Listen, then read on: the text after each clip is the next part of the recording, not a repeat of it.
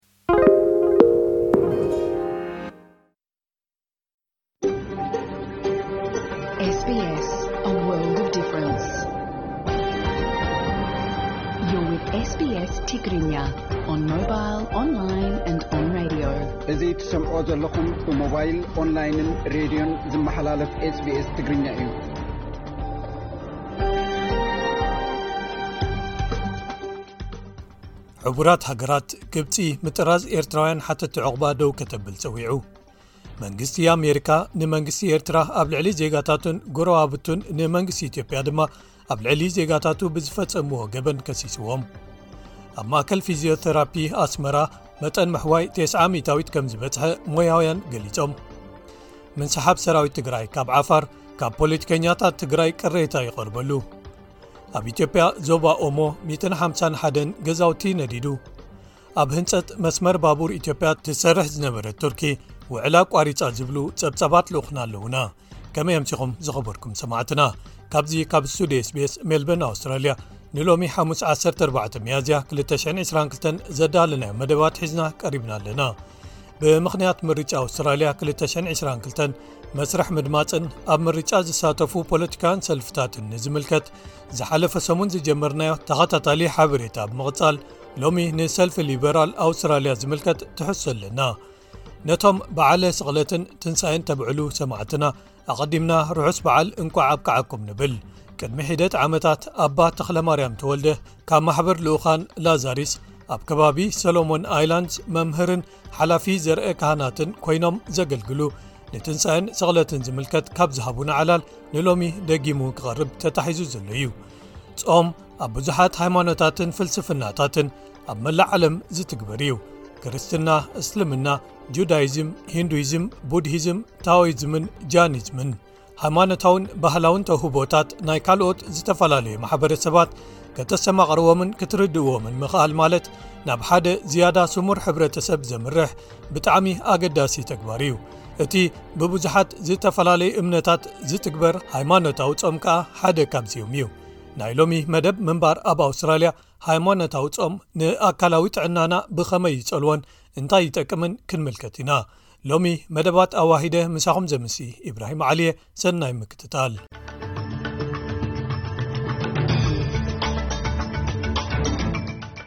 ቀንዲ ነጥብታት ዜና ቀዳማይ ሚኒስተር ስኮት ሞሪሰን ኣብዚ ግዜ ስልጣኑ ብልሽውናን ካልኦት ዘየድልዩ ተግባራት ኣባላት ባይቶን ዝምርምር ሓደ ፈደራላዊ ኮሚሽን ብዘይምቛሙ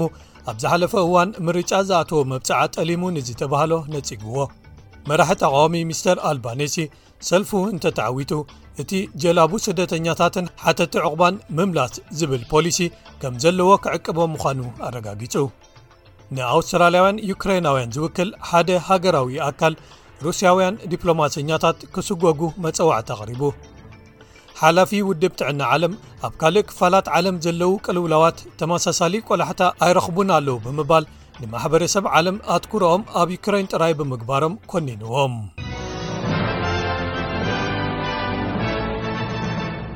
ቀዳማይ ሚኒስተር ስኮት ሞሪሰን ኣብዚ ግዜ ስልጣኑ ብልሽውናን ካልኦት ዘየድልዩ ተግባራት ኣባላት ባይቶን ዝምርምር ሓደ ፈደራላዊ ኮሚሽን ኢንተግሪቲ ብዘይምቛሙ ኣብ ዝሓለፈ እዋን ምርጫ ዝኣተወ መብፅዓ ጠሊሙ ንዝተባህሎ ነፅግዎ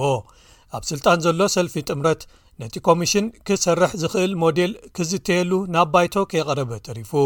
ሰልፊ ለይበር ክቕበሎ ምዃኑ ቃል ክሳብ ዘይኣተወ ድምፂ ክወሃቦ ኣይክነቕርቦን ኢና ብምባል እንተኾነ ግን ክኢላታት ሕጊ ነዚ ፖሊሲ ሰልፊ ጥምረት ብሰፊሑ ነቒፎሞ ብልሽውና ንዝፈፀሙ ናብ ሕጊ ከቕርብ ዝኽእል እኹል ስልጣን የብሉን ብምባል ዝሓለፈ እዋን ነቲ ኮሚሽን ናብ ኣብ ባይቶ ክትዕ ክካየደሉ ንምቕራብ ብምባል ኣንጻር ሰልፋ ዘድመፀት ሊበራል ኣባል ባይቶ ዝኾነት ብሪጀት ኣርቸር ምስቲ ቀዳማይ ሚኒስተር ኮይና ሎሚ ጎስጓስ ተካይድ ነይራ ወይዘሪት ኣርቸር ንወንበር'ታ ብውሑድ ፍልልይ ድምጺ ኣብ ተኣፋፊ ኩነታት ዘላ ኣብ ሰሜናዊ ታዝሜንያ እትርከብ በይስ ሒዛታ ዘላ'ያ።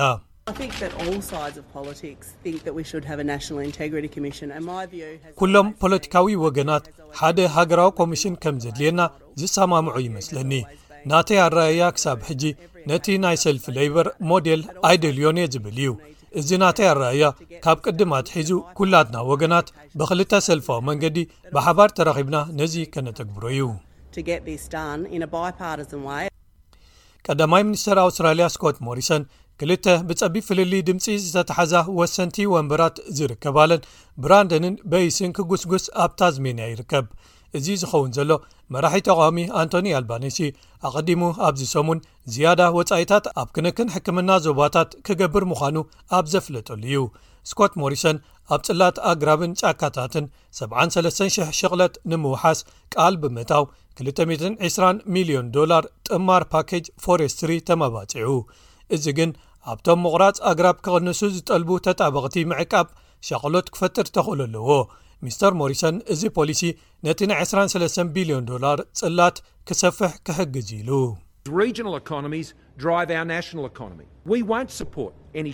ገጠራዊ ቁጠባታት ንሃገራዊ ቁጠባና ይዝውርዎ ዝኾነ ምዕጻው ናይዚ ተፈጥሮኣዊ ጫካ ኣይንድግፎን ኢና ዕንጨይቲ ዝፈርየሎም ቀወምቲ ቦታታት ንምፍጣር ምስ ግዝኣታዊ መንግስቲ ምስራሕ ክንቅጽሎ ኢና።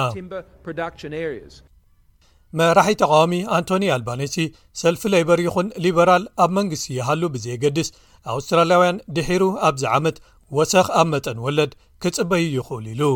እዚ መራሒ ፈደራል ተቃዋሚ ሰልፊ ነዚ ዝበለ ኣብታ ብውሕድ ፍልል ድምፂ ሰልፉ ዝውክላ ወንበር ሃንተር ኣብ ግዛት ኒው ሳው ዌልስ ምስቲ ነቲ ጥሮታ ዝወፅእ ዘሎ ኣባል ባይቶቲ ከባቢ ጆወል ፊዝ ጊበንስ ንምትካእ ተስፋ ዘለዎ ተወዳዳሪ ሕፁይ ዳን ሬፖቸሊ ብሓባር ሎሚ ኣብኡ ከይዱ ኣብ ዝጐስጐሰሉ እዩ ሚስተር ኣልባነሲ እንተተመሪጹ መንግስቱ ነቲ ተተንብዩ ዘሎ ወሰኽ መጠን ወለድ ንምምካት ሓላፍነታዊ ዝኾነ ወጻኢታት መንግስቲ ክህሉ ከረጋግጽ እዩ ኢሉ ማእከላይ ባንክ መጠን ወለድ ክውስኽ እዩ ክብል ገሊጹ እዩ መን ኣብ መንግስቲ ይሃሉ ብዘየገድስ ከምኡ ክገብሩ ምዃኖም ኣተንቢሆም ኣለዉ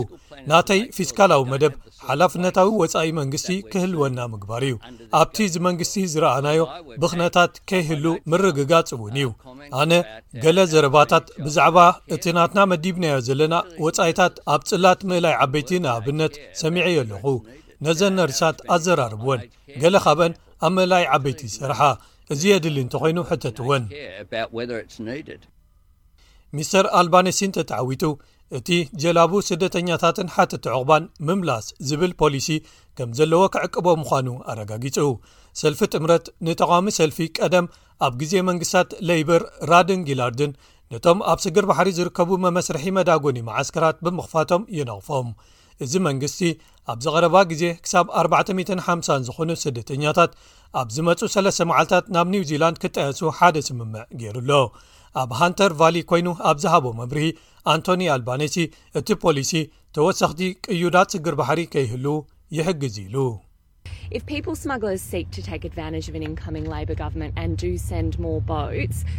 ኣሰጋገርቲ ሰባት ነቲ ዝመጽእ ዘሎ መንግስቲ ለይበር ክጥቀምሉ እንተፈቲኖምን ተወሰኽቲ ጃልባታት እንተልኢኾምን ኣብ ምምላሰን ነተን ጀላቡ ተሪር ክትከውን ዲኻ ውዕል ምጥያስ ስግር ባሕሪኸ ኣብ ግምት ከተትዎ ዲኻ ጀላቡ ክንመልስ ኢና ጀላቡ ንድሕሪት ምምላስ ማለት መዳጎኒ መዓስከራት ስግር ባሕሪ ኣየድልየካን እዩ ማለት እዩ ኣድመኛታት ክሊማ ንኻልኣይ መዓልቲ ኣብ ድንድል ሲድኒ ሃርበር ብሪጅ ዝሓልፍ ጉዕዞ መካይን ወይ ትራፊክ ደው ከብልዎ ምዃኖም ይፍክሩ ኣለዉ ተጣባቂ ጉጅለ ፋየር ፕሩፍ ኣውስትራልያ እቶም ኣድመኛታት ሎሚ ሓሙስ ሓውታት ክውልዑን ኣብ ልዕሊ እቲ ድንድል ብእግሮም ክኸዱ መደብ ኣለዎም ኢሉ እዚ ዘካይድዎ ዘለዉ ኣድማ ኣካል ናይ ሓደ ተቃውሞ ፖለቲካዊ እስረኛ ብምኽንያት ማእሰርቲ ኣባሎም ኣንድሪው ጆርጅ እዩ ሚስተር ጆርጅ ኣብ ዝሓለፈ ቀዳመ ሰንበት ኣብ መንጎ ክሮናላ ሻርክስን ዌስት ታይገርስን ናብ ሜዳ ብምእታው ናይ ርችት ሓዊ ብምውልዑ እዩ ድሕሪኡ ንሱ ኣብ ከባብያዊ ቤት ፍርዲ ሳዘርላንድ ሎካል ኮርት ብዘይ ሕጋዊ ምኽንያት ናብ ሓደ ዕፁ ቦታ ብምእታውን መጠንቀቕታ ርችት ሓዊ ኣብ ህዝባዊ ቦታ ሒዙ ብምርካቡን ክልተ ክስታት ቀሪብሉ ገበኑ ተኣሚኑ ንሱ 440 ዶላር ኣውስትራልያ ብገንዘብ ተቐጺዑ ሰለስተ ወርሒ ከኣ ኣብ ቤት ማእሰርቲ ክጸንሕ ተፈሪዱ። ንኣውስትራልያውያን ዩክረይናውያን ዝውክል ሓደ ሃገራዊ ኣካል ሩስያውያን ዲፕሎማሰኛታት ክስጎጉ መጸዋዕቲ ኣቕሪቡ።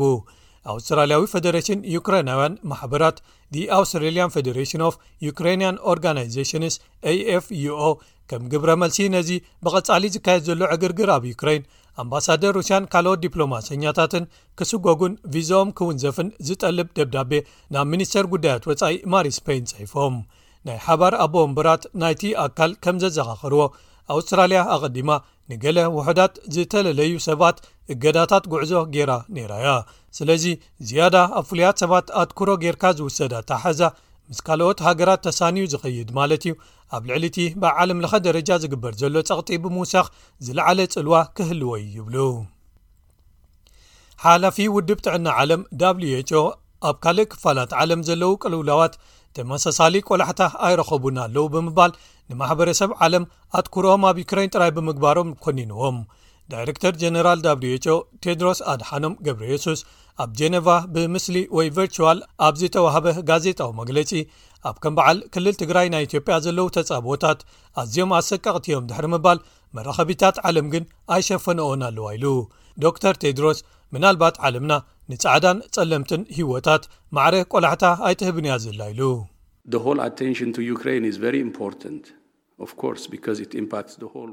እዚ ምሉእ ኣትኩሮ ኣብ ልዕሊ ዩክረይን ብርግጽ ብጣዕሚ ኣገዳሲ እዩ ምኽንያቱ ንመላእ ዓለም ዝጸሉ እዩ ግን ንእሽቶ ክፋል እውን ትኹን ንትግራይ የመን ኣፍጋኒስታን ሶርያን ካልኦትን ይወሃብ የለን ዓለምና ንኩሉ ዘርኢ ወዲ ሰብ ብሓደ ዓይነት ኣረኣያ ኣይኮነትን ትሕዞ ዘላ ክብል ብጋህድን ብቕንዕናን ክዛረብ ኣለኒ ገለ ዝያዳ ማዕረ ካብ ካልኦት ንላዕሊ እዮም እዚ ካብ ከተማ ሜልበርን ኣውስትራልያ ዝፍኖ ሬድዮ ስቤስ መደብ ትግርኛ እዩ ዜና ኣብዚ ተፈጺሙ ኣሎ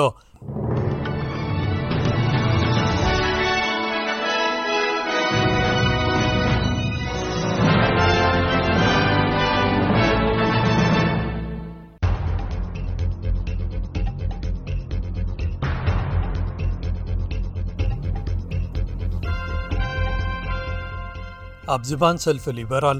ካብ ሰር ሮበርት መንዚስ ንላዕሊ ብዓብዪ መጠን ጐሊሑ ዝረአ ካልእ ሰብ የለን ከም ሓቂ ውሑዳት ኣውስትራልያውን ጥራዮም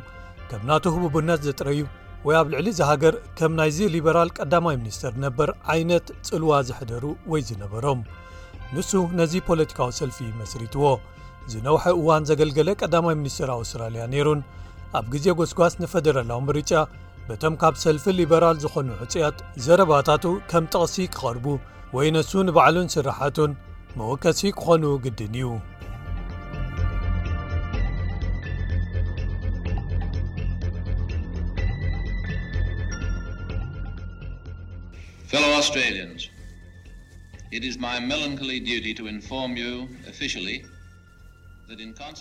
ብጾት ኣውስትራልያውያን ከም ሳዕቤን ናይቲ ጀርመን ኣንቂላቶ ዘላ ድሌት ኣብ ምውራር ንፖላንድ ዓባይ ብሪጣንያ ኣብ ልዕሊያ ኲናት ኣውጅ ኣላ ከም ውጽኢቱ ኸኣ ኣውስትራልያ እውን ኣብ ኲናት ከም ዘላ ብወግዒ ክሕብረኩም ዘሕዝን ወይ ዘጉሂ ሓላፍነት እዩ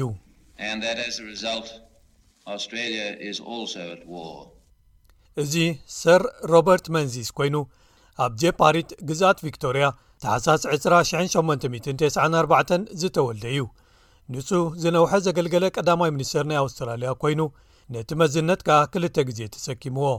ካብ 939 ክሳብ 941 ከምኡ ውን ካብ 949 ክሳብ 966 ብድምር 18 ዓመታትን ሓ ኣዋርሕን ቀዳማይ መንፋቕ ግዜኡ ከም ቀዳማይ ሚኒስተር ኣብ 939 ዝጀመረሉ ኣብ ትሕቲቲ ኣብዚ እዋን ዘየለ ሰልፊ ሰልፊ ዝሓበረት ኣውስትራልያ ወይ ከኣ ዩናይትድ ኣውስትራልያ ፓርቲ ስግኣት ኲናት ኣብ ኤውሮጳ እናዓበየ እንከሎ እዩ ሓደ ካብ መሰረቲ ሰልፊ ሊበራል ኣብ 944 ኮይኑ ኸኣ ንሱ ሓያል ተጣባቓይ ናይቲ ቀይድታት ኢሚግሬሽን ክግበር ዝሕግግ 1901 ኢሚግሬሽን ሪስትሪክሽን ኣክት እዩ እዚ ብልምዲ ፖሊሲ ጻዕዳ ኣውስትራልያ ወይ ዋይት ኣውስትራልያ ፖሊሲ ተባሂሉ ይጽዋዕ።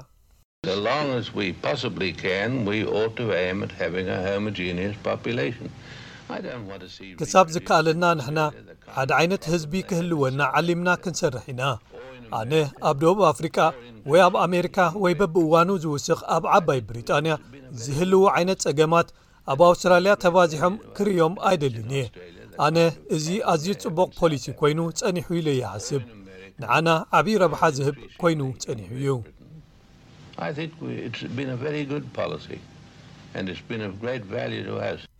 ካልእ ቀንዲ ፖለቲካዊ ፍሉጥ ሰብ ማልከም ፍረይዘር መራሒ ሰልፊ ሊበራልን ቀዳማይ ሚኒስተርን ካብ 1975 ክሳብ 1983 ዝነበረ እዩ ንሱ ካብቶም ናይዚ ሃገር ሓደ ካብቶም ኣዝዮም ዝኸፍኡ ፖለቲካዊ ክሰታት ብቐጥታ ረቢሑ ከም መራሒ ተቃዋሚ ሰልፊ ንሱ እማመታት በጀት ካብ ሰልፊ ለይበር ዝኾነ ቀዳማይ ሚኒስተር ጎፍ ዊትለም ብመንገዲ ላዕለዋይ ባይቶ ወይ ሰነት ኣብ ጥቅምትን ሕዳርን 1975 ከይሓልፉ ኸልኪሉ እዚ ኸኣ ሹመኛ ንግስቲ ጋቨርነር ጀነራል ሰር ጆንከር ኮሚሽን ወይ መዝነት ቀዳማይ ሚኒስተርነት ሚስተር ዊትለም 11 ሕዳር ናብ ዝሰሓበሉን ንሚስተር ፍረይዘር ከኣ ግዜያዊ ቀዳማይ ሚኒስተር ገይሩ ናብ ዘደይበሉን ኣምሪሑ። ሕጂ ከምቲ ቅዋም ዝጠልቦ ምርጫ ክህሉ እዩ እቲ ዓብዪ ሓለዋ ዲሞክራሲና እቲ ቕዋም ክኽበር ኣለዎ ዝብል እዩ ህዝቢ ኣውስትራልያ ዝብልዎ ክህሉ ወይ ድምፆም ከስምዑ እዮም እቲ ምርጫ ኣብ መድመፂ ሳፁናት ናቶም እዩ ሚስተር ፍረይዘር ብዓብዪ ብዝሒ ወይ ከኣ ብኣብዝሓ ተዓዊቱ ንሱ ብዓይኒ ቁጠባ ዓቃባዊ እኳ እንተኾነ ኣብ ማሕበራዊ ጉዳያት ግን ገስጋስ እዩ ዝሕሰብ ነይሩ ንሱ ዝመርሖ መንግስቲ ከም በዓል ቤት ፍርዲ ቤተሰብ ወይ ከኣ ዘ ፋሚሊ ኮርት ዝኣመሰሉ ሰልፊ ለይበር ዘበገሶም ተሃድሶታት ቀጺልዎምን ኣናዊሕዎምን ንፍሉይ ኣገልግሎታት ፈነወ ዝህብ ስፔሻል ብሮድካስቲን ሰርቪስ ወይ ከኣ ኤስቢኤስ ከም ዝምስረት ገይሩን ንገለ ክፋላት ግሬት ባርየር ሪፍ ማሪን ፓርክ ወይ ፓርክ ባሕሪ ክብል ኣውጅዎም እዚ ከምዚ ኢሉ እናሃለዎ ግን ካልእ ሊበራል እዩ ካልኣይ ዝነውሐ ግዜ ዘገልገለ ቀዳማይ ሚኒስተር ናይ ኣውስትራልያ ዝኾነ ጆን ሃዋርድ ካብ 1996 ክሳብ 27 ቀዳማይ ሚኒስተር ዝነበረ ፍጻመ መቕተልቲ ኣብ ፖርት ኣርር ተኸቲሉ ተረርቲ ዝኾኑ ሕግታት ምውናን ሽጉጥ ወይ ጋን ሎውስ ኣተኣታት እዩ ንኮሚሽን ኣቦሪጅናልን ቶረስ ትረይት ኣይላንደርን በቲንዎን ስግር ባሕሪ ስርዓተ ምምስራሕ ጉዳያት ሓተቲ ዕቑባ ከኣ ከፊቱ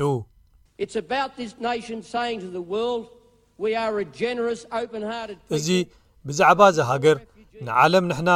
ለጋሳትን ክፉታት ዝልቦም ሰባትን ብመንፅር ካፒታ ብዘይካ ካናዳ ካብ ዝኾነ ካልእ ሃገር ዝያዳ ቝፅሪ ዘለዎም ሰደተኛታት ንቕበል ኢና ኢና ንብል ዘለና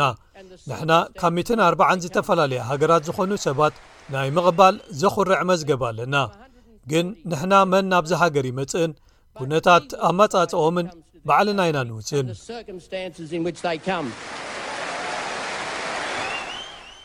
ጆን ሃዋድ ብተወሳኺ ድሕሪ ግብረ ሽበራዊ መጥቃዕታት መስከረም 11 ኣውስትራልያ ናብቶም ብዩናይትድ ስቴትስ ዝምርሑ ኩናት ኣብ ልዕሊ ዒራቕን ኣፍጋኒስታንን ክትኣቱ ገይርዋ። እንተኾነ ግን እቶም ርግኣታት ዘበናት መሪሕነት መንዚስን ሃዋርድን ድሕሪ ዓመታት ፋሕ ኢሎም እዮም ምኽንያቱ ሚስተር ሃዋርድ ኣብ ምርጫ 2,007 ብኬቭን ራድ ናይ ሰልፊ ለይበር ተሳዒሩ እታ ምርጫ ኣብ ፖለቲካዊ ታሪኽ ኣውስትራልያ ዘይተረጋግኡ መሪሕነታት ክልቲኦም ዓበይቲ ሰልፍታት ዝተበገሱላ ኮይና ቶኒ ኣበት እዩ ነይሩ ንልፍንታዊ ሰልፊ ሊበራልን ናሽናልን ኣብ መስከረም 213 ናብ መንግስቲ ክመጽእ ዝገበሮ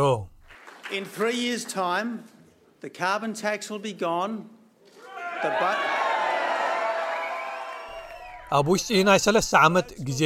ቀረጽ ካርቦን ዝበሃል የለን እተን ጀላቡኻ ደው ክብላ እየን እቲ በጀት ክእመን ዘይክእል መኽሰብ ወይ ትርፊ ክህልዎ ኣብ መስመር ክህሉ እዩ እቶም ናይ መበል 21 ክፍለ ዘመን መንገድታት ከኣ ኣብ መወዳእቱ ክትግበሩ እዮም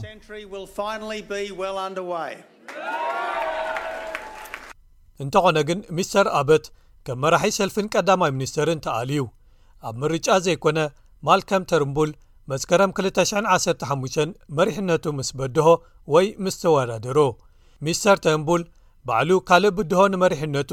ንሓሰ 218 ምስ መጾኻ መሪሕነት ሰልፊ ሊበራልን ናይ ቀዳማይ ሚኒስተር ቦት እውን ስኢኑ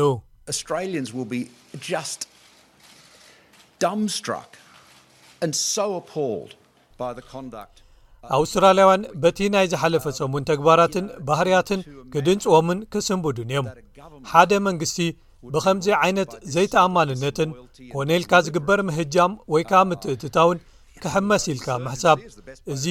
ነዚ ንምግላጽ እቲ ዝበለጸ መንገዲ እዩ ኮነ ኢልካ ዝግበር ኣዕናዊ ተግባር እዩ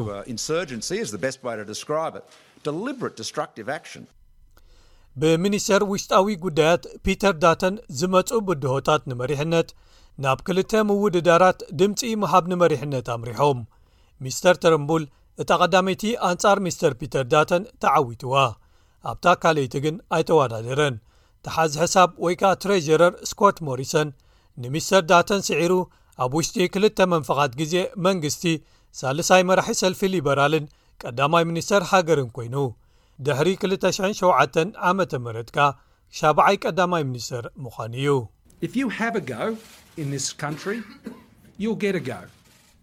ኣብዛ ሃገር ተበግሶ እንተ ወሲድካ መንገዲ ክትረክብ ትኽእል ኢኻ። ነቶም ክፍትኑ ዝደልዩ ርትዓዊ ዕድል ኣሎ። እዚ'ዩ ኣብ ኣውስትራልያ ርትዓውነት ማለት። That's what fairness in Australia means. ሚስተር ሞሪሰን እዩ እምበኣር ንሰልፊ ጥምረት ኣብ ጎስጓስ ምርጫ 219 ኣንጻር ብቢል ሾርተን ዝምራሕ ሰልፊ ለይበር ናብ ዓወት ዝመርሖ መለክዒታት ርእቶ ህዝብን ተንተንትን ኵሎም ዓወት ሰልፊ ለይበር ተተንብዮም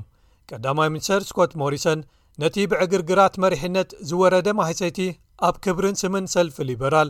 ሰጊሩ ክዕወት ኣይክእልን እዩ ዝብል ኣረኣያ ነይሩ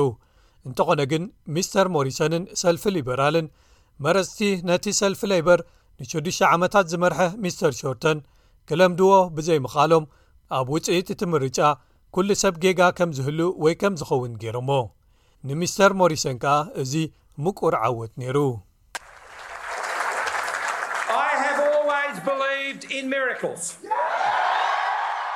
ኣነ ኩሉ ግዜ ኣብ ተኣምራት ምስ ኣመንኩ እየ ሎሚ ምሸት ካልእ ተኣምር መጺኡና ኣውስትራልያ ክንደይ ትጽብቕ ሚስተር ሞሪሰን ካብ ዝምረጽ ንድሓር እቲ ሰልፊ ኣብ ከም መርዓ ተመሳሳሊ ፆታታትን ለውጢ ክሊማን ዝኣመሰሉ ዛዕባታት ኣብ ውሽጢ ስሩዓቱ ወይ ኣባላቱ ወጥሪ ኣጋጢምዎ እዩ። ዶክተር ፒተር ቸን ላዕለዋይ መምህር ኣብ ክፍሊ መንግስትን ዓለምለኻዊ ዝምድናታትን ኣብ ዩኒቨርሲቲ ሲድኒ እዩ። ንሱ ከም ታሪኽ ሰልፊ ሊበራል ሓደ ኣገዳሲ ውህደት ናይ ብዙሓት ዝተፈላለዩ ማዕብላት ኣብ ማሕበረሰብ ኣውስትራልያ እዩ፣ እዚ ካብ ፈለማ ክፋል መበል ዕስራ ዘመን ኣትሒዙ ይጅምር ይብል። The Liberal Party has this tradition that on certain issues, individual MPs can vote on... ሰልፊ ሊበራል ከም ልምዲ ኣብ ገለ ዛዕባታት ኣባላት ባይቶ በብውልቆም ኣብ ሕልንኦም ተመርኪሶም ከድምፁ ይኽእሉ ዝብል ኣለዎ መርገፂ ሰልፎም ክኽተሉ ናይ ግድን የብሎምን ስለዚ እዚ እዩ ንሶም ነቲ ተነቃፍነት ነቲ ወጥሪ ዝፈትሕሉ ወይ ከዓ ዝሕዝሉ ኣገባብ እንተኾነ ግን ኣነ ብርግፅ ኣብ ውሽጢ እቲ ሰልፊ ሓደ ዓብዪ ምፍልላይ ተዓዚብና ኣለና ይብል ኣብ መንጎ ማሕበራዊ ዓቃባውያንን እቶም ማእከላይ መርገፂ ዝሓዙን ኢለ ይሓስብ ካልእ ብተወሳኺ እዚ ብገለ መጠኑ ኣብ ደገ ግጥማት ክካየደሉ ንርእዮ ኣለናዮ ዝብል ምስ ምብዛሕ እዞም ኣብ ክሊማ ኣትኲሮም ብነፃ ዝወዳደሩ ሕፁያት ከም በዓል ዛሊስቴጋልን ንዓ ዝመስሉ ካልኦት ሰባትን ኣብ ወረቐት እንተ ንምልከት ብዙሓት ካብዚኦም ሕፁያ ተወዳደርቲ ሊበራልስ ምኾኑ ገስገሲ ሊበራልስ ኮይኖም እተወዳደሩ ኣካል ናይቲ ሰልፊ ኮይኖም ዘይምውድዳሮም ዘርእየና ኸኣ እዚ መሰረታዊ ጸገም ኣብ ውሽጢ እቲ ሰልፊ ዘለዎም ምዃኑ እዩ ኣብ ምፍታሕ እዚ ቁልፊ ዝኾነ ዛዕባ ኣብ ዙርያ ክሊማ ንኣብነት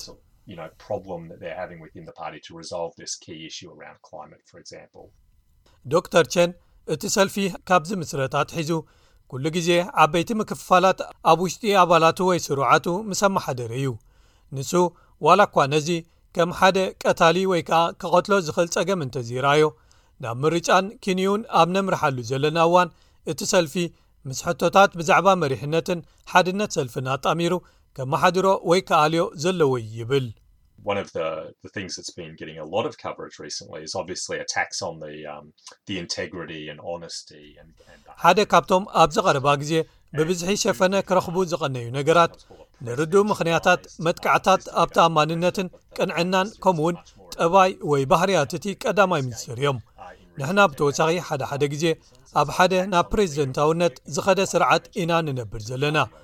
ፕሬዚደንት የብልናን ግን እቲ ቀዳማይ ሚኒስተር ኣብ ዝሓለፉ ቀረባ ዓመታት ዝያዳ ኣዝዩ ኣገዳሲ ዝኾነ ምስሊ ኣብ ፖለቲካዊ ቅርፂ መሬትና ኮይኑ እዩ ንብዙሓት ምኽንያታት ስለዚ መጥቃዕታት ኣብ ልዕሊ እቲ ከም መራሒ ዝምሰል ሰብ ነቲ ሰልፊ ብሓፈሽኡ ጎዳእቲ ክኾኑ ይኽእሉ እዮም ስለዚ ናብቲ ምርጫ ኣብ እነምርሓሉ ኣነ እቶም ብዛዕባ ተኣማንነትን ሓድነት ሰልፍን ዝዝረቡ ነገራት ንሰልፊ ሊበራል ክምክቶም ዘለዎ ዓበይቲ ነገራት ክኾኑ እዮም ኢለ ይሓስብ ነዚ ክፈትሕዎ ኸኣ ሒደት ሰሙናት ጥራየን ተሪፈኖኦም ዘለዋ።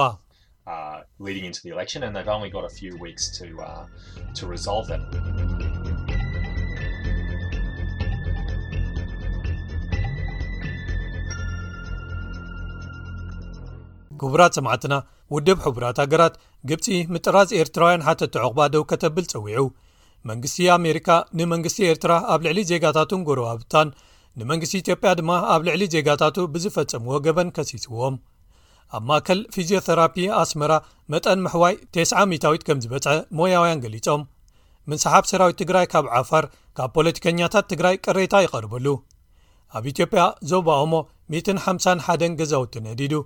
ኣብ ህንፀት መስመር ባቡር ኢትዮጵያ ትሰርሕ ዝነበረት ቱርኪ ውዕላ ኣቋሪፃ ዝብሉ ፀብፃባት ኣለዉና ንዝርዝሮም ናብ ልኡክና ከብለኩም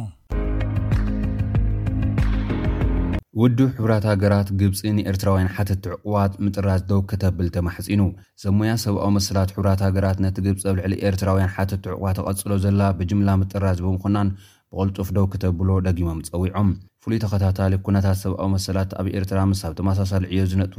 መሓውር ሰብኣዊ መሰላት ሕቡራት ሃገራት ብምዃን ትማል ረቡዕ ኣብ ዘቕረብዎ መጸዋዕታ ሓተቲ ዑቕባ ብጅምላ ምጥራዝ ዝብል ፖሊሲ መንግስቲ ግብጺ ከምዘሻቐሎምን እቲ ስጉምቲ ንኣህጉራዊ ሕግታት ዝጥሕስ ምዃኑን ኣገንዚቦም። እቶም ቀዲሞም ናብ ኤርትራ ዝተመልሱ ስደተኛታት ከኣ ብሕሱም ኣተሓሕዛ ይሳቐዩ ከምዘለዉ ሓበሬታ ተኣኪቡ ከምዘሎ እቶም ሰብ ሞያ ሓቢሮም። ሰብመዚ መንግስቲ ግብጺ ካብ ወርሒ ጥቅምቲ ዝሓለፈ ዓመት ጥራይ ብውሕዱ ስሳን ሸሞንተን ኤርትራውያን ሓተትቲ ዕቝባ ናብ ኤርትራ ከምዝመለሱ ዝሓበሩ እቶም ሰብ ሙያ፣ ብሓይሊ ዝምለሱ ስደተኛታት ኣብ ኤርትራ እንታይ ዓይነት መቕጻዕትን ሓደጋን ከምዝጽበዮም ፍጹም ኣብ ግምት ከምዘየእተወ ገሊጾም። ኣብዚ እዋን ቈልዓ ሰበይቲ ዝርከቦም ክሳብ ክልተ ሚእቲ ዝበጽሑ ኤርትራውያን ሓተትቲ ዕቝባ፣ ኣብ መዳጐኒ ማእከላት ግብጺ ተታሒዞም ናብ ኤርትራ ንምጥራዝ ይጽበዩ ከምዘለዉ እዩ እቶም ሰብሞያ ገሊፆም ዘለዉ። መንግስቲ ኣሜሪካ ንመንግስቲ ኤርትራ ኣብ ልዕሊ ዜጋታቱን ኣብ ልዕሊ ጎረባብቱ ኢትዮጵያውያንን ንመንግስቲ ኢትዮጵያ ድማ ኣብ ልዕሊ ዜጋታቱ ብዝፈፀምዎም ገበናት ከሲስዎም። ሚኒስትሪ ጉዳያት ወፃኢ ኣሜሪካ ንሰብኣዊ መሰላትን ካልእ ኣገዳሲ ዝበሎ ጉዳይን ዝምልከት ዓመታዊ ፀብፃብ ዘርጊሑ ኣሎ። ኣብቲ ዓመታዊ ጸብጻብ ኢትዮጵያን ኤርትራን ተኸሲሰን ኣለዋ። ኣብዚ ጸብጻብ መንግስቲ ኢትዮጵያ ብቕትለት ዜጋታት፣ ጥሕሰት ሰብኣዊ መሰላትን ተኸሲሱ።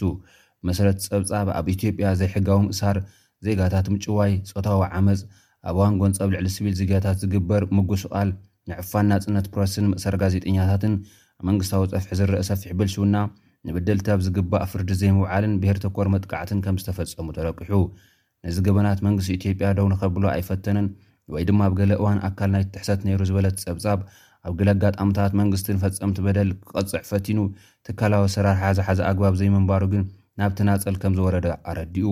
መንግስቲ ኢትዮጵያ ሕጊ ከተግብር ብዘይምኽኣሉ ኣብቲ ከቢድ ጥሕሰት ሰብኣዊ መሰላት ደቂ ሰብ ተራ ተጻዊቶም ዝበሎም ኣካላት ድማ ሚልሻ ክልል ኣምሓራ፣ ሰራዊት ትግራይ፣ ሚልሻ ክልል ሶማልያ፣ ሰራዊት ናጽነት ኦሮሞን ሚልሻ ክልል ዓፋርን ይርከቦም። ጸብጻብ ሚኒስትሪ ጉዳይ ወጻኢ ኣሜሪካ፣ መንግስቲ ኤርትራ ኣብ ልዕሊ ዜጋታቱን ጎረባብቱን ኢትዮጵያውያንን ከበድቲ ገበናት ፈጺሙ ብምባል እውን ከሲሱ ኣሎ። ኤርትራ ኣዝያ ዕጽውቲ ሃገር እያ ዝበለ እቲ ጸብጻብ፣ ብሕልፊ ኣብ ኲናት ኢትዮጵያ ብምስታፋ ነቲ ዝነበረ ጥሕሰታት ከም ዘጋደደቶ ገሊጹ። ሰራዊት ኤርትራ ኣብ ትግራይ ከቢድ በደል ከም ዝፈጸመ እውን ሓቢሩ። ቀንዲ ተሓተትቲ ናይቲ ኣብ ውሽጢ ኤርትራ ዝግበር ሰፊሕ ሰብኣዊ ዓመጻትን በደላትን፣ መሓውራት ጸጥታን ምክልኻል እታ ሃገርን ምዃኖም ኣመልኪቱ። ኣብ ኤርትራ ኣብ ዓመተ ክልተ ሽሕን ዕስራን ሓደን ተፈጺሙ ዝተባህለ ጥሕሰታት መሰል ድማ፣ ማእሰርቲ፣ ቅትለት፣ ጾታዊ ዓመጻት፣ መጭወይቲ፣ ዓፈና ናጻ ፕረስ፣ ስእነት መሰላት ሕግን ካልእን ዘርዚሩ ኣሎ። ክፍሊ ጉዳያት ወጻኢ ኣሜሪካ ከም ቀንዲ ማሕንቖ ናይቲ ኣብ ኤርትራ ዝፍጸም ዘሎ ጥሕሰታት ሰብኣዊ መሰላት ዝበሎ፣ ተሓታትነት ዘንግስ ዝነበረ ሕገ መንግስታዊ ስርዓት ዘይምህላው እዩ ኢሉ። መንግስታት ኢትዮጵያን ኤርትራን ከምኡውን ኣብ ጸብጻብ ዝተረቑሑ ኣካላትን ክልላትን ነቲ ጸብጻብ ኣመልኪቶም ዛጊድ ዝሃብዎ መልሲ የለን። ምንስሓብ ሰራዊት ትግራይ ካብ ዓፋር ካብ ፖለቲከኛታት ትግራይ ቅሬታ ይቐርበሉ ኣሎ። ኣባላት ሰራዊት ትግራይ ሒዘሞ ካብ ዝፀንሑ ከባብታት ኢሪብቲ ክልል ዓፋር ከም ዝወፁ መንግስቲ ትግራይ ብሰሉስ ምግላፁ ስዒቡ ኣዘራራቢ ዛዕባ ኮይኑ ይርከብ። እቲ መግለፂ ነቲ መንግስቲ ኢትዮጵያ ኣብ ዝሓለፈ ዕስራን ኣርባዕተን መጋቢት ክልተ ሽሕን ዕስራን ክልተን ወሲደዮ ዝበሎ ምቁራፅ ተታብኦ ተኩሲ መንግስቲ ትግራይ እውን ሰራዊቱ ካብ ክልል ዓፋር ናይ ምውፃእ ስጉምቲ ከም ዝወሰደ እዩ ሓቢሩ ዘሎ። መንግስቲ ኢትዮጵያ ንሰብኣዊ ሓገዝ ክብል ምቁራፅ ተፃብኦ ድሕሪ ምእዋጁ ምግብን መድሓኒትን ዝፀዓና ልዕሊ ዕስራ መካይን ናብ መቐለ ምብፀሐን ዝዝከር ኮይኑ፣ ሓይልታትታ ትግራይ ካብ ከባብታት ክልል ዓፋርን ኣምሓራን ከይወፁ እቲ ረድኤት ከምዘይቕፅል መንግስቲ ኢትዮጵያ ከምዝገለፀ ዝዝከር እዩ። መንግስቲ ትግራይ ካብ ዓፋር ከባቢ እሪብቲ ከምዝወፀን ሰብኣዊ ረድኤት ብዘይገደብ ክኣቱ ከምዝሓተተን ድማ ብሰሉስ ኣብ ዘቃልሖ መግለፂ ሓቢሩ ኣሎ። ንምንስሓብ ሰራዊት ትግራይ ስዒቡ ኣብ ዝተፈላለዩ ኩርናዓት ዓለም ዝርከቡ ተጋሩ ሓያል ክትዕ እንዳካየዱ ይርከቡ። ኣብዚ ጉዳይ ተደሪኹ ርእይትኡ ዝሃበ ኣባል ላዕለዋይ መሪሕነት ሳልሳይ ወያነ ትግራይ ኣቶ ሃይሉ ከበደ፣ ጠለብ መንግስቲ ኢትዮጵያ ካብ ዓፋር ምውጻእ ድዩ? ዝብል ሕቶ ብምብጋስ፣ ናብ መቐለ ካብ ምእታው ማንም ኣይክዓግተናን ዝበሎ ጀነራላትከ ክፍቀደሎም ድዩ? ብምባል ምክትል ዋና ኣዛዚ ሰራዊት ኢትዮጵያ ዝኾነ ጀነራል ኣበባው ታደሰ፣ ሰራዊቱ ኣብ ካልኣይ ምዕራፍ ኲናት ትግራይ ንመቐለ ካብ ምእታው ማንም ከምዘይኽልክሎ ንዝሃቦ መብርሂ ብምዝኽኻር፣ መንግስቲ ኢትዮጵያ ሰራዊተይ ኣብ መላእ ትግራይ ክንቀሳቐስ መሰለይ'ዩ እንተበለኸ እንታይ ክግበር'ዩ ዝብል ሕቶ ኣቕሪቡ'ሎ። ብተወሳኺ እቲ ኣብ መቐለ ዘሎ መንግስቲ ዘይሕጋዊ'ዩ ከጥፍኦ'የ ንዝተኸልክዎ ግዝያዊ ምምሕዳር ተቐበሉ እንተበለኸ ኣብ ትግራይ ብገበን ዝጥርጠሩ ብቤት ፍርዲ መጸዋዕታ ዝተገብረሎም ገበነኛታት ኣለዉ ሕጊ ከኽብር'የ እንተበለኸ ምዕራብ ትግራይ ብቐዋምነት ንኣምሓራ ኣረክቡ ዝብል ሕቶ ስዒቡ ናብ ካልእ ዙርያ ህልቂት ኣየምርሕን'ዶ ዝብል ሕቶታት ብምልዓል ንውሳነ መንግስቲ ትግራይ ተቓዊምዎ ኣሎ። መንግስቲ ኢትዮጵያ ብወገኑ ነቲ መንግስቲ ትግራይ ኣብ ዓፋር ዝነበሩ ሰራዊተይ ስሒበ ዝበሎ መግለጺ ትኽክል ከምዘይኮነ ዝገልጽ መብርሂ ሂብሉ ኣሎ። ኣብ ማእኸል ፊዝዮቴራፒ ኣስመራ መጠን ምሕዋይ ተገልገልቲ ቴስዓ ሚኢታዊት ከምዝበጽሐ ሰብ ሞያ ገሊጾም። ኣብ ኣስመራ ንኡስ ዞባ ጎዳይፍ ዝርከብ ማእከል ፊዝዮትራፕ ብዘካየዶ ጻዕሪ መጠን ሕውየት ተገልገልቲ ተስዓ ሚእታዊት ከምዝበጽሐ ሜዲካል ዳይሬክተር ናይቲ ትካል ክኢላ ፊዝዮትራፒ ኣቶ ብርሃነ ሓያሉ ሓቢሩ። ኣቶ ብርሃነ ነቲ ማእከል ክሳብ ሽሕን ትሽዓተ ሚእትን ተስዓን ሸውዓተን ንሕሙማት ፖሌን ብሰንኪ ዋሕዲ ኦክስጅን ኣብ ግዜ ወሊድ ኣብ ህጻናትን ቆልዑን ዝኽሰት ጸገማት ኣብ ምሕካብ ከምኡ'ውን ንዝተጠውያ ኣእጋር ኣብ ምቅናዕ ክሰርሕ ከምዝጸንሐ ብምዝኽኻር ብድሕሪኡ ሚኒስትሪ ጥዕና ብዝገበሮ ሓድሽ ኣወዳድባ ከም ቀንዲ ማእከል ሕክምና ጸገማት ዓንዲ ሕቖን፣ ብሰንኪ ልዑል ጸቕጢ ደምን ሽኮርን ዘጋጥም መልመስትን ምጭብባጥ ጭዋዳታትን ኮይኑ የገልግል ከምዘሎ ኣረዲኡ። ኣብ ክልተ ሽሕን ዕስራን ሓደን ንዝተሰላሰለ ዕማማት ብዝምልከት ኣብ ዝሃቦ ሓበሬታ፣ መዓልታዊ ኣብ ዞባታት ካብ ዝርከባ መወከሲ ሆስፒታላት ንዝተልኣኹ ካብ ሚእትን ሓምሳን ክሳብ ክልተ ሚእቲ ሕሙማት ግልጋሎት ሕክምና ከምዝተዋህበ፣ ብጠቕላላ ኣስታት ክልተ ሽሕን ሓሙሽተ ሚእትን ዜጋታት ተመለሊሶም ከምተሓከሙ፣ መጠን ምሕዋይ ድማ ካብቲ ናይ ክልተ ሽሕን ዕስራን ብሰለስተ ሚእታዊት ዕብየት ከምዘርኣየ ኣብሪሁ። ምስ ዘሎ ጻዕቒ ተገልገልቲ እቲ ማእከል ተወሳኺ መሳርሒታት ከም ዘድልዮ ብምሕባር፣ ዝጎደለ ንምምላእ ምስ ዝምልከቶም ኣካላት ኣብ ምዝራብ ከም ዝርከብ ኣረዲኡ። እቲ ማእከል ኣብ ገጽ ዘጋጥም ምጥዋይ ይኹን ኣብ ካልእ ክፋል ኣካላት ዝኽሰት መልመስቲ ካብ ባህላዊ ፍወሳ ብምሕያብ ተቐዳዲምካ ናብ ትካል ጥዕና ምስ ዝመጽእ እቲ ናይ ምሕዋይ ተኽእሎ ልዑል ምዃኑ ኣረጋጊጹ። ሰብ ሞያ ኣባላት እቲ ማእከል ብወገኖም፣ ምሕዳስ ናይቲ ህንጻ ንዝበለጸ ግልጋሎት ዘተባብዕ እኳ እንተኾነ፣ ሕጽረትን እርጋንን መሳርሒታት ንምትካእ ኣድህቦ ክወሃቦ ኣዘኻኺሮም። ተገልገልቲ ኣብ ዝሃብዎ ርእይቶ፣ ኣብ'ቲ ማእከል ብዝረኸብዎ ሕክምናዊ ኣገልገሎት ጥዕንኦም እናተመሓየሸ ከምዝመጸ ብምሕባር፣ ዝኾነ ናይ ጭዋዳ ምጭብባጥ ኮነ ምድንዛዝ ዘጋጥሞ ዜጋ ተቐላጢፉ ናብ ሰብ ሞያ ክኸይድ ተላብዮም ክብላ ማዕኸናት ዜና ኤርትራ ጸብጺበን ኣለዋ። ኣብ ኢትዮጵያ ዞባ ኦሞ ልዕሊ ሚእትን ሓምሳን ገዛውቲ ብሓዊ ከምዝነደዱ ተሰሚዑ። ኣብ'ቲ ዞባ ብዝተፈጸመ መጥቃዕቲ ልዕሊ ሽሕ ሰብ ተመዛቢሎም፣ ልዕሊ ሚእትን ሓምሳን ኣባይቲ ድማ ከምዝነደዱ እቲ ክልል ኣፍሊጡ ኣሎ። እዚ ከምዚ ኢሉ እንከሎ፣ ኣብቲ ገበን ኢድ ዘይብሎም መንእሰያት ይእሰሩ ከምዘለዉ ነበርቲ ጂንካ ገሊጾም። ኣብ ዞባ ደቡብ ኦሞ ከተማ ጂንካን ከባቢኡን ዘጋጠመ ጸገም ጸጥታ ንፈለማ ግዜ ዘጋጠመ ከምዘይኮነ፣ ቅድሚ ሎሚ እውን ኣብ ዝተፈላለዩ ከባቢታት እቲ ክልል ተመሳሰሊ ህውከታት ይረኣዩ ከምዝነበሩ ነበርቲ ሓቢሮም ኣለዉ። ኣብ ወረዳ ኣሪ ዞባ ናይ ምዃን ሕቶ ቀሪቡ ምስ ተብሃለ ዝተኣሳሰረ ተፈፂሙ ዝተብሃለ መጥቃዕቲ ኣርባዕተ ኣባላት ፖሊስ ሓዊሱ ሚእትን ሰላሳን ሰለስተን ሰባት ኣብ ትሕቲ ቀይዲ ምውዓሎም ኮሚሽን ፖሊስ ክልል ደቡብ ኣፍሊጡ ኣሎ።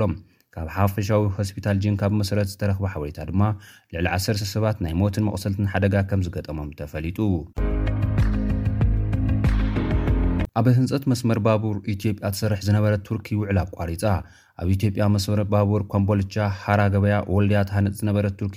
ውዕላ ከም ዘቋረጸት ተፈሊጡ ኣሎ። ነቲ መስመር ዝሃንጽ ዝነበረ ኩባንያ ቱርኪ ያፒ መርኮዚ ነቲ ውዕል ከም ዘቋረጸ ንሰራሕተኛታቱ ከም ዘሰናበተ ኣፍሊጡ ኣሎ። ኣካያዲ ስራሕ ጨንፈር ያፒ መርኮዚ ኣብ ኢትዮጵያ ዝኾኑ ሰርካን ኮርክማዝ፣ ዝፈረምሉ ደብዳቤ ከም ዘመልክቶ እቶም ሰራሕተኛታት ካብ ዝሰናበቱ ሰሙን ገይሮም ኣለዉ። ጠንቂ ምቁራፅ ናይቲ ውዕሊ ከኣ ኮርፖሬሽን ባቡር ምድሪ ኢትዮጵያ ምስ ቱርኪ ዝነበረ ውዕሊ ብምቁራፁ እዩ ተባሂሉ። ኩባንያ ያፒ ሞርኮዚ ነቲ መስመር ባቡር ንዝሓለፉ ሸሞንተ ዓመታት ክሃንፅ ፀኒሑ እዩ ሕጂ ውዕሊ ኣቋሪፁ ዘሎ። ኢትዮጵያ ብሰንኪ እቲ ምስ ትግራይ እተካይዶ ዘላ ኲናት ኣብ ዝተፈላለዩ እዋናት ዝጀመረቶም ፕሮጀክትታት ልምዓት ተቋርፆም ከም ዘላ እዮም ሰብ ሞያ ስነ ቁጠባ ዝዛረቡ።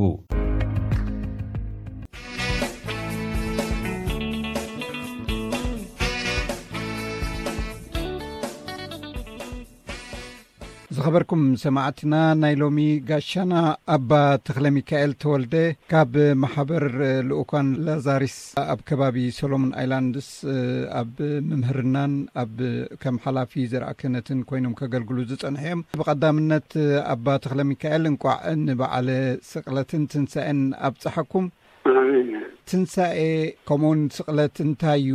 ንምንታይ እዩ ካብ በዓላት ክርስትና ምስቶም ዓበይቲ በዓላት ዝቑጸር? የቐኔለይ በየነ ብመጀመርያ ንኹላቶም ኣመንቲ ክርስትና ብሩኽ በዓል ትንሳኤ ይግበረልና ይብል። ብሩኽ በዓላት ይግበረልና ትሩፋት ሕማማትን ጎይታና ንኹልና የካፍለና ኢለ ሰናይ ትምኒተይ ዛሬ ገሊጸ። ብርግጽ ስቕለትን ወይ ከኣ ሕማማትን ሞትን ትንሳኤን ናይ ጎይታና የሱስ ክርስቶስ እቱ ዓንዲ ሕቖ ናይ እምነት ክርስትና እዩ። ንሕና ክርስትያን ኣብቲ ዝሞተን ዝተሰቕለን ክርስቶስ እንኣምን ከምቲ ቅዱስ ጳውሎስ ዝብሎ እቲ ናይ ይሁድ ዕሽነት ንኣረማውያን ከኣ ከምኡ እንታይ ኮይኑ ዝስማዕ ንዓና ግን ንሕና ንሕና ክርስትያን ግን ነቲ ዝተሰቅለን ዝሞተን ክርስቶስ ኢና ነበስር ይብል ስለዚ ክርስትና ኣብቲ ምእንታና ዝሞተን ዝተቀብረን ዝተንስእን ክርስቶስ ምእማን እዩ እሞ ከኣ ኣብ ሳልሳይ መዓልቲ ከኣ ዝተንስእን ስለዚ ካብቶም ዓበይቲ በዓላት ጥራሕ ዘይኮነስ እቲ ዝዓበ በዓል ናይ ክርስትና ከምዚ ሰንበት ዝዓበት መዓልቲ ናይ ሰሙን እትበሃል ትንሳኤ ከኣ ዝዓበት መዓልቲ ናይ ዓመት እያ ብፍላይ ንሕና ተኸተልቲ ናይ ስርዓተ ምስራቃዊ ስለ ዝኾንና ምስራቃውያን ዝዓበ በዓልና ትንሳኤ እዩ ምኽንያቱ ብትንሳኤ እዩ ስዕረት ናይ ሞትን ናይ ሓጢኣትን ዝተረጋገጸ እቲ ህይወቱ ምሉእ ድላይ ኣቦኡ እናፈጸመ ዝነበረ ክርስቶስ፣ ድሕሪ እቲ ዅሉ እቲ ዝበጽሖ ኣብ ምድራዊ ህይወቱ፣ ካብታ ብጥርሑ ተወሊዱ ክሳብ ኣብ መስቀል ጥርሑ ዝሞተላ፣ ኣብ መቓብር ዝኣተወላን ወትሩ ድላይ ኣቦኡ እናፈጸመ ድሕሪ ነይሩ፣ ብምድብ ሰብኣዊ ኣተሓሕዛ ተሳዒሩ፣ ሞይቱ፣ ተሸኒፉ፣ ተቐቢሩ እዩ ተባሂሉ ነይሩ። ነቲ ኩሉ ኣይኮነን ተዓዊቱ እባ ስዒሩ ተባሂሉ ብትንሳኤ እዩ እዚ ሓቅነት እዚ ዝተረጋገጸ ስለዚ ትንሳኤ ንዓና ልዕሊ ኩሉ ጸገምናን ልዕሊ ኩሉ ሽግርናን ዓወት ከም ዘሎ ሂወትና ብምሉኡ ብመንጽር እዚ ትንሳኤ እዚ ከም እንነብሮ ዘረጋግጸና እቲ ዝዓበየ ተስፋናን እምነትናን ስለ ዝኾነ በዓለ ትንሳኤ እቲ ዝዓበ በዓል ናይ ክርስትና እዩ። ሕራይ ኣባ ተክለሚካኤል ኣከባብራ ስቅለትን ትንሳኤን ኣብ ኣመንቲ ክርስትና ማለት ኣብ ዝተፈላለዩ ሃገራትን ሃይማኖታትን ከመይ ይመስል? እወ ብመሰረቱ ኣብ ክልተ ክመቕሎ ይመርጽ ሓደ እቲ ላቲናዊ ስርዓት ዝኽተል ካቶሊካዊ ዓለም ብመሰረቱ እዩ። ካልኣይ ከኣ እቲ ምስራቃውያን ኣብያተ ክርስትያናት ኦርቶዶክሳውያን ይኹና ካቶሊካውያን እዚ እቲ ክልተ ዓበይቲ ፍልልይ ዘለዎ ኣብቶም ናይ ላቲናውያን ናቶም ስርዓት ኣለዎም ንሕና ምስራቓውያን ከኣ ዝተፈላለ ስርዓት ኣኸባብራ ኣለና ብፍላይ ንኣብነት ኣብ ሃገርና ካብቲ ናይ ግብጺ ናይ ኣለክሳንድርያ ዝመንጨወ ስለዝኾነ ነዊሕ ናይ ስርዓት ልጡርግያ ንኣብነት ዓርቢ ሰንበት ካብ ንግሆ ክሳብ ምሸት ኣብ ቤተክርስትያን ንውዕለላ መዓልቲ እያ ትበሃል። ስለዚ ነዊሕ ፍሉይ ዝኾነ ስርዓት ናቱ ኣለና። ትንሳኤ ከኣ ምስቱ ቅዳሴናን ካልእ ቁመትናን ማህሌታትናን ናቱ ኣኸባብራ ፍሉይ ኣለዎ። ኣብቲ ላቲናዊ ዓለም ግን ካልእ ዝተፈላለ ኣኸባብራ ኣገባባትን እዩ ዘለዎም። ብፍላይ ንዓና ንምስራቓውያን ትንሳኤ እቲ ዝዓቢ በዓል እዩ። ንላቲናውያን ምናልባት ልደት ይኸውን ዝዓቢ በዓል። ስለዚ እዚ ክልተ ፍልልይ ኣሎ። ኣብ ኣኸባብራ ስርዓት ጥራሕ ዘይኮነ ከኣ ዋላ ዕለት እውን ንሕና ምስራቓውያን ብዝበዝሕ ናይ ስርዓተ ጁልያን ካላንደር ተባሂሉ ዝጽዋዕ እዚ ናይ ጁልያን መርሓ ዕለት እንኽተል ስለ ዝኾንና ካልእ ኣቖጻጽራ እዩ ዘለና። እቶም ላቲናውያን ግን እዚ ግረጎርያን ዝበሃል በዚ ቅዱስ ግረጎርዮስ ዝተቐየረ ማለት ዝተሓደሰ ካልእ ኣቆጻጽራ ስለ ዘለዉ ስለዚ እቲ ኣቆጻጽራ ናይ ዓመተ ምህረት በበይኑ ስለ ዝኾነ እዩ እዚ እቲ ፍልልያት እዚ ዝመጽእ ኣብ ውሽጢ እቲ ምስራቃውያን ውን ብዙሓት ስለ ዝኾና ውሑድ ፍልልያት ይህልወን ይኸውን። ሕራይ ትንሳኤ ይኹን ካልእ ሃይማኖታዊ በዓላት ብምኽባር ዝመጽእ ብዓይኒ መንፈሳዊ ክንሪኦ ከለና እንታይ እዩ ጥቕሙ? እወ ዝኾነ በዓል መቸም ነቲ ትርጉም ናይቲ በዓል ነቲ ኣማኒ ወይ ከኣ እቲ ዕላማን እቲ ትርጉምን ናይቲ በዓል ነቲ ኣማኒ ኣብ ምግንዛብ ወይ ኣብ ምምሃር ወይ ኣብ ምብርባር ኣብ ምስታፍ እዚ እንድቲ ዕላምኡ ብፍላይ ንዓና ንኣመንቲ ክርስትና ትንሳኤ ክነብዕል እንከለና ናይ ብሓቂ ዓወት ኣብ ልዕሊ ሞት ዓወት ኣብ ልዕሊ ሓጢኣት መጨረሻ ቃል ናይ ህይወትና ህይወት እዩ መጨረሻ ቃል ናይ ህይወትና ትንሳኤ እዩ ኢልና ናይ ብሓቂ ብዝበለጸ እምነትና ዝውልዓሉ ብዝበለጸ እምነትና እንሕድሰሉ እዩ ከምቲ ንኣብነት እቶም ቀዳሞት ክርስትያን ብዓርቢ ስቕለት ንያቶም ዓሪቡ እምነቶም ንሕናስ ኣብኡ ተስፋ ጌርና ኔርና እናበሉ ነናብ ቦትኦም ኣብ ምኻድ ፋሕጨንገዳሕ ኣትይዎም ዝነበረ ከም ዝተንስኤ ምስ ረኣዩ ግን ዳግም ኩልንትንኦም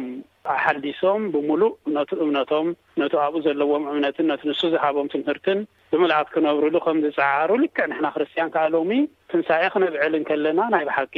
ነቲ ጎይታ ጎይታና ጎይታ ስዕረት ጎይታ ህይወት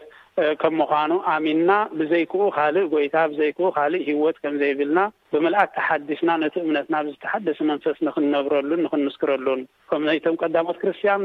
ድሕሪ ትንሳኤ ጐይታና ኣብዚ ግብረ ሃዋርያት ከም እንረኽቦ ካልእ ፍጥረት እዮም ኰይኖም። ብእምነቶም ይኹን ብርክባቶም ብፍቕሮም ይኹን ዘለዎም ብምውፋይ ነዚ ገንዘቦም ኣብ ኢድ ሃዋርያት ብምውፋይ ንዅሉ ከከምቲ ኣድላይነቱ ይተዓደል ኣብ ምባል ይኹን ነዚ ክርስቶስ እዚ ነዚ ዓወት እዚ ነዚ ትንሳኤ እዚ ንኸበስሩ ንዝዀነ ይኹን ስደት ይኹን ወላ ጸገም ይኹን ኸይተሓልኩ ኣዝዮም ብእኡ ተወኒኖም ብእኡ ተሰሊቦም ወናማት መስከርቲ ናቱ ክኾኑ ከም ዝጸዓሩ ሎሚ ውን ንሕና ኣመንቲ በዓለ ትንሳኤ ክነብዕል እንከለና ናይ ብሓቂ እዚ ስዕረት ናይ ጎይታ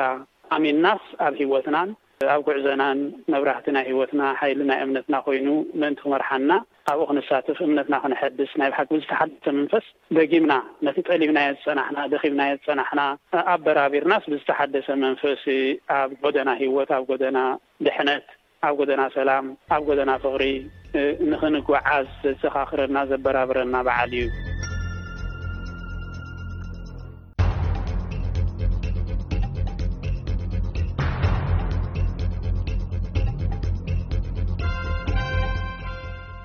ሙሉእ ብሙሉእ መግብን ማይን ምሕሳም ዘካትት ድዩ ወይስ ቅልል ኢሉ ትሕት ዝበለ መጠን ካሎሪ እትምገቡሉ ኣገባብ ጾም ወይ ምጻም ኣብ ብዙሓት ሃይማኖታትን ፍልስፍናታትን ኣብ መላእ ዓለም ይትግበር እዩ ክርስትና እስልምና ጁዳይዝም ሂንዱይዝም ቡድሂዝም ታዎይዝምን ጃኒዝምን ከም በዓል ኣውስትራልያ ኣብ ዝኣመሰሉ ብዝሐ ባህልታት ዘለዎን ሃገራት ኣብ ዝንበረሉ ዝተፈለየ እምነትን ባህልን ዘለዎም ሰባት ብዝለዓለ ተኽእሎ ትረኽቡ ወይ ኣዕሩኽ ወይ መሓዙት ትገብሩ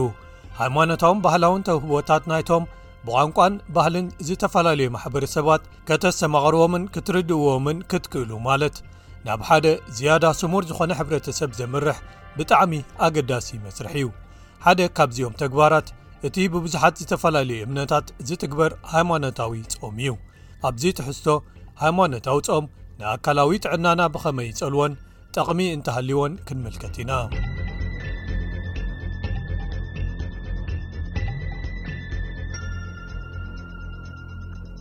ካብ መግብን መሰን ምሉእ ብምሉእ ምሕሳም ይኹን ሓደ ቅልል ዝበለ ዝተሓተ ካሎሪ ዘለዎ ዓይነት መግቢ ምምጋብ ዘካትት ይኹን ብዘየገድስ ጾም ወይ ምጻም ኣብ ክርስትና እስልምናን ሂንዱዝምን ወሲኽካ ኣብ ዝተፈላለዩ ሃይማኖታትን ፍልስፍናታትን ይትግበር። ዳያና ዓብደልራሕማን፣ OAM፣ ወይ ተቐባሊት መዳል ኦፍ ዘ ኦርደር ኦፍ ኣውስትራልያ፣ ፕሬዚደንት ሬድዮ ድምጺ ኣስላም ኣውስትራልያ ዝኾነ ኣውስትሬልያን ሙስሊም ቮይስ ሬድዮ፣ AMV፣ ሬድዮ እያ። እዚ ኣብ ግዜ ረመዳን ኣብ ካምቤራ መዓልታዊ ዕስራን ኣርባዕተን ሰዓታት ዝፍኖ መደብ ቋንቋ እንግሊዝ እዩ። ወይዘሪት ዳያና ወርሒ ረመዳን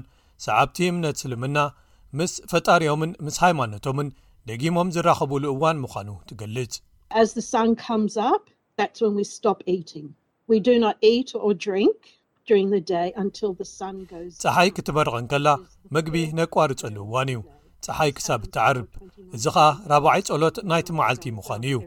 ቀትሪ ኣይንበልዕን ወይ ኣይንሰትን ኢና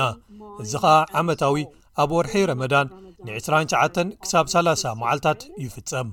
ጾም ብሓቂ ንሰብነት ንኣእምሮን ንነፍስን ይጠቅም እዩ ኣብ ወርሒ ረመዳን መብዛሕትኡ ግዜ ጸሎትካ ትውስኽ እዚ ዅሉ ሰብ ምስ ፈጣሪ ደጊሙ ርክብ ዚገብረሉ ኣጋጣሚ ወይ ዕድል እዩ። ንዅሉ እቲ እንገብሮ ዘለና ነገራት ሓዲግና፣ ምሉእ ብምሉእ ኣብ እምነትና እነተኵረሉ ኣጋጣሚ እዩ።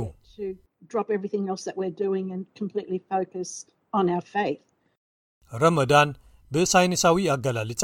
ሓደ ሓሓሊፉ ዚካየድ ወይ ኢንተርሚተንት ዓይነት ጾም እዩ። እዚ ቓል ነቲ ብተደጋጋሚ መልክዕ ዋላ ሓንቲ ወይ ሒደት ካሎሪታት ካብ 12 ሰዓታት ክሳብ ገለ መዓልታት ዝበጽሑ ክፍለ ግዜታት እተህልኸሉ ዓይነት ኣመጋግባ ንምግላጽ የገልግል። ዝያዳ ብዝተፈለኻ ረመዳን ኣብቶም ብግዜ ተደሪቶም ዝካየዱ ዓይነታት ኣመጋግባታት ይምደብ ትብል ዶክተር ቨሮኒክ ቻቻይ ወግዓዊ ምስክር ወረቐት ዘለዋ ክኢላ ኣመጋግባን መምህርን ተማራማሪትን ኣብ ዩኒቨርሲቲ ኩንስላንድ። ዶክተር ቻቻይ ንዝተወሰነ ግዜ ምሉእ ብምሉእ መግቢ ምሕሳም ንኣካላትና ገለ ኣገደስቲ ረብሓታት የምጽኣሉ ትብል።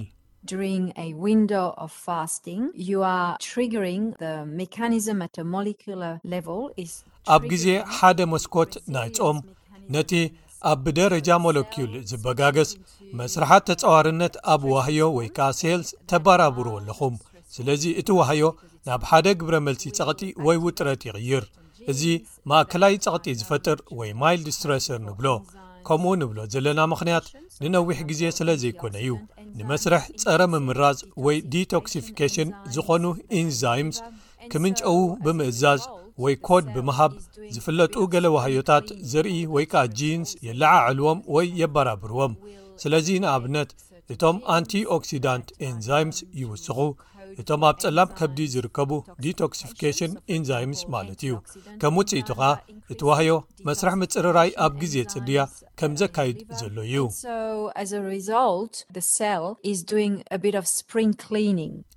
ኣይሁድ ልክዕ ከም ኣስላም ንማይ ወሲኽካ ንገለ እዋናት ኣብ ሓደ ዓመት ካብ መግብን መስተን ምሉእ ምሕሳም ይገብሩ። እንተኾነ ግን ማይ ካብ ምስታይ ምቑጣብ ዝኾነ ረብሓ ዝህልዎ እንተኾይኑ ክሳብ ሕጂ መረጋገጺ ኣይተረኽቦን። እኳ ደኣ ማይ ምስታይ ነቶም መርዝታት ወይ ቶክሲንስ ካብ ነብስና ሓጺቡ ኣብ ምውጻእ ጠቓሚ ምኾነ ትብል ዶክተር ቻቻይ። ንሳ ሰባት ኣብ ዝጸምሉ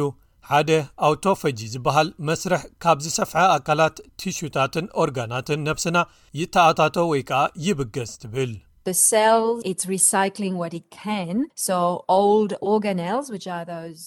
እቲ ዋህዮ ዳግመ ምምስራሕ ወይ ከኣ ሪሳይክሊንግ ይገብር ክሳብ ዝከኣሎ ስለዚ እቶም ኣቐዲሞም ዝጸንሑ ኦርጋነልስ እዚኦም ማለት ከኣ እቶም ዝኣረጉ ንጥረ ነገራት ኣብ ውሽጢ እቶም ዋህዮታት ዝርከቡ ምዃኖም እዩ ዳግማይ ይምስርሑ ስለዚ ነቲ ክዕቅቦ ዝደሊ ዳግማይ ምምስራሕ የካይድ ማለት እዩ ምናልባት ኣሚኖ ኣሲድ ክኾኑ ይኽእሉ እቶም ዳግማይ ዝምስርሑ ስለዚ እቲ ኣውቶፈጂ ኢልና ንጽውዖ ኣምር ወይ ስነ ሓሳብ የተባብዓሎ ማለት እዩ ኦውቶ ማለት ባዕላዊ ወይ ከዓ ባዕልኹም ፈጂ ማለት ከዓ ምብላዕ እዩ ስለዚ ንነብሶም ክበልዑ እንከለዉ ማለት እዩ ስለዚ ብመሰረቱ ነብስኻ ምፅራይ ከም ማለት እዩ ነቲ ርስሓት ወይ ከዓ ዝተመስርሐ ነገር እናበላዕካ ተኣልዮ ማለት እዩ እዞም መስራሓት ወይ ሜካኒዝምስ ምዝሓሸ ውፅኢት ድሕሪ ግዜ ይተኣሳሰሩ ምኽንያቱ ነቲ ዋህዮታት ዝፈጥርዎ ርስሓት ትንክዮ ኣለኻ ማለት እዩ ነቶም መርዛም ነገራት ወይ ቶክሲን ዝተጉድሎም ንስኹም ነቲ ብቕዓት ምውጋድ መርዚ ወይ ቶክሲን ዲቶክሲፋይንግ ክብ ተብልዎ ኣለኹም እቲ ናይ መወዳእታ ውፅኢት እምበኣር መስርሕ ዳግመ ምህዳስ ወይ ከዓ ሪጀነሬቲንግ ፕሮሰስ ይኸውን ዶክተር ቻቻይ ትብል ሓደ ሰብ ድሕሪ ፆም መሊሱ ኣብ ዝበልዓሉ እቶም ዋሕዮታት መኣዛዊ ንጥረ ነገራት ኣብ ምምፃይ ወይ ምውሳድ ብዝሓሸ ይኽእሉ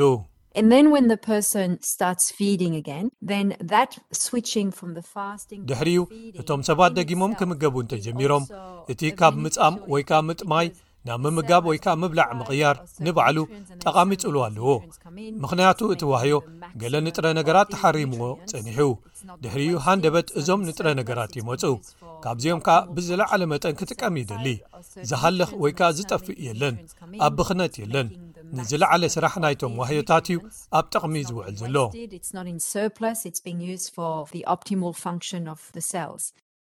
ጥዑይ ምምጋብ ኣገዳሲ እዩ፣ ሽኮራዊ መግብታት ከኣ ብኣዝዩ ብዙሕ መጠን ዘይምምጋብ ወይ ዘይምህላኽ ትብል ዶክተር ቻቻይ። እዚ መጠን ኢንሱሊን ንላዕሊ ክመጥቕ ወይ ክውስኽ ጠንቂ ስለ ዝኸውን። ምስ ግዜ'ውን ምእባይ ምቕባል ወይ ከኣ ምውሳድ ኢንሱሊን እውን ከይተረፈ ከበግስ ይኽእል፣ እዚ ኸኣ ኣዝዩ ጐዳኢ እዩ። ኣብ ገለ ሃይማኖታት ወይ ባህልታት፣ ጾም ፍጹም ምሕሳም ካብ መግቢ ኣይኰነን ዘካትት። እንታይ ደኣ ካብ ዝተወሰኑ ዓይነት መግብታት ንውሱናት እዋናት፣ ኣብ ሂንዱይዝም ንኣብነት፣ ምጻም፣ ካብ ፈኰስቲ ቀይድታት ኣብ ምምጋብ ወይ ምብላዕ ክሳብ እቶም ዝተረሩ ክህልዉ ይኽእሉ። ዋላ እኳ ኣብ እምነት ሂንዱ ጾም ግዴታዊ እንተ ዘይኰነ፣ ንነብስን ኣእምሮን ንምንጻህ ዓሊምካ ዝፍጸም ናይ ሞራልን መንፈስን ተግባር ተገይሩ ግን ይቝጸር እዩ። እንተኾነ ግን ካቶሊካት ኣብ ግዜ ጾም ኣርብዓ ወይ ለንት ዓርቢ ዓርቢ ስጋ ኣይበልዑን እዮም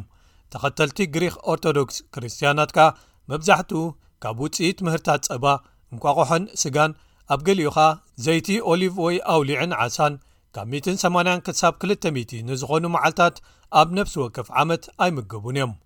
ዶር ቻቻይ ትብል እዚ ዓይነት ኣጸዋውማ ምስቲ ድሩት ካሎሪ ዝህልዎ ዓይነት ኣመጋግባ ይመሳሰል ወይ ከኣ ይካተት ትብል ሓደ ኣብዚ ስነ ሓሳብ ዝምርኮስ ዘመናዊ ኣመጋግባ ክሮን ዳይት ተባሂሉ ዝጽዋዕ እዩ ተግባራት ምድራት ወይ ከኣ ምውሓድ ካሎሪ ግን ከኣ ምቹ መጠን መእዛዊ ንጥረ ነገራት ምውሳድ ማለት እዩ እዚ ንምምሕያሽ ጥዕናን እርጋን ንምድንጓይን ኣብ ዝግበር ፈተነ መጠን ካሎሪ ዝውሰን ክድረት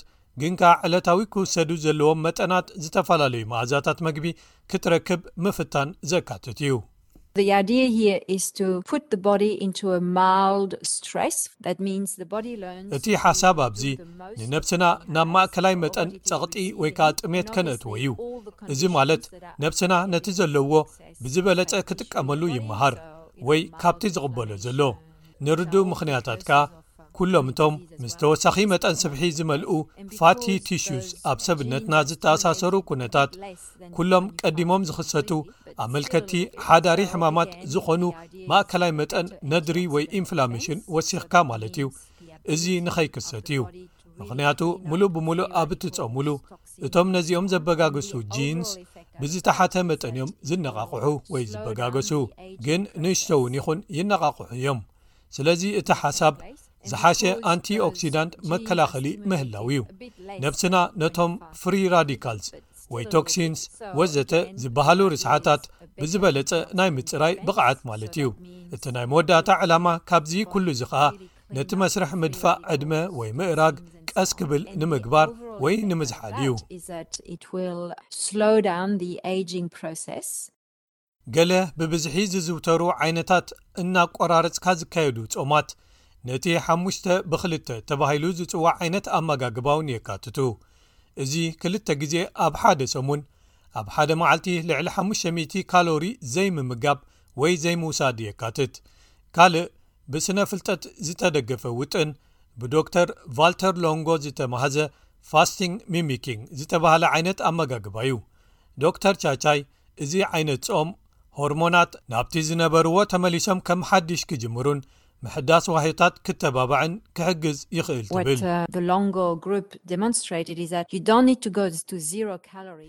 እዚ ናይ ሎንጎ ጉሩፕ ዘመስከሮ እንተሃልዩ ካብ ጾም ክትረብሑ ኢልኩም ናብ ዜሮ መጠን ካሎሪ ምውሳድ ዘኽይድ ከም ዘይብልኩም እዩ ብውሕዱ ፍርቂ ናይቲ ኣብ ንቡር ግዜ ትወስድዎ እንተ ወረድኩም እውን ነቶም ጠቕምታት ክትረኽብዎም ትኽእሉ ኢኹም ስለዚ እዚ ንጾም ኣምሲልካ ዝካየድ ፋስቲንግ ሚሚኪንግ ዓይነት ኣመጋግባ ወይ ዳይት ምንካይ ኣብ እትወስድዎ ካሎሪ ይሃሉዩ ምስኡ ኸኣ ምንካይ ኣብ ሚታዊት ናይቲ ትወስድዎ ፕሮቲን ዘካተተ እዩ እዚ ኣሰራርሓ ወይ ፕሮቶኮል ኣብ ዓመት ሓንሳብ ጥራይ ክልተ ወይ ሰለስተ ግዜ ንሓሙሽተ መዓልትታት ማለት እዩ ነቶም ሆርሞናት ናብቲ መበገሲኦም ንምምላስ ዝዓለመ ኣብ ልዑል መጠን ዘለዎ ክኸውን የብሉን ግን ከኣ ኣውቶፈጂ ተሃድሶ ዋህዮታት ኣንቲ ኦክሲዳንት ኤንዛይምስ ክበዝሑ መታን ዝከታተል ንምትብባዕ ተባሂሉ እውን እዩ። ዶክተር ቻቻይ ምጻም ወይ ከኣ ጾም ነቶም ትሕቲ ንቡር ክብደት ዘለዎም ወይ ከኣ ኣቐዲሙ ዝጸንሐ ጸገማት ጥዕና ዘለዎምን ነቶም ጸገም ምምጋብ ወይ ምቐባል መግቢ ዘለዎም ሰባት ከም መኽሪ ኣይወሃብን እዩ። ኣዳማ ኮንዳ ኢማም ኣብ እስላማዊ ማእከል ካንቤራ'ዩ። ንሱ ህጻናት፣ ኣረጋውያንን ዝሓመሙ ሰባትን ኣብ ግዜ ረመዳን ክጸሙ ትጽቢት ኣይግበረሎምን'ዩ ይብል። ህጻናት ክምገቡ ስለ ዘለዎም ክጸሙ ኣየድልዮምን'ዩ። ገያሾ ድሒሮም ኣብ ገዛ ምስ ተመልሱ ክትክእዎ ስለ ዝኽእሉ ምጻም ኣየድልዮምን እዩ ኣረጋውያን እውን ክጸሙ ኣየድልዮምን እዩ ደቂ ኣንስትዮ ጥኑሳት እንተኾይነን ወይ የጥብዋ እንተሃልየን ክጸማ ኣየድልዮን እዩ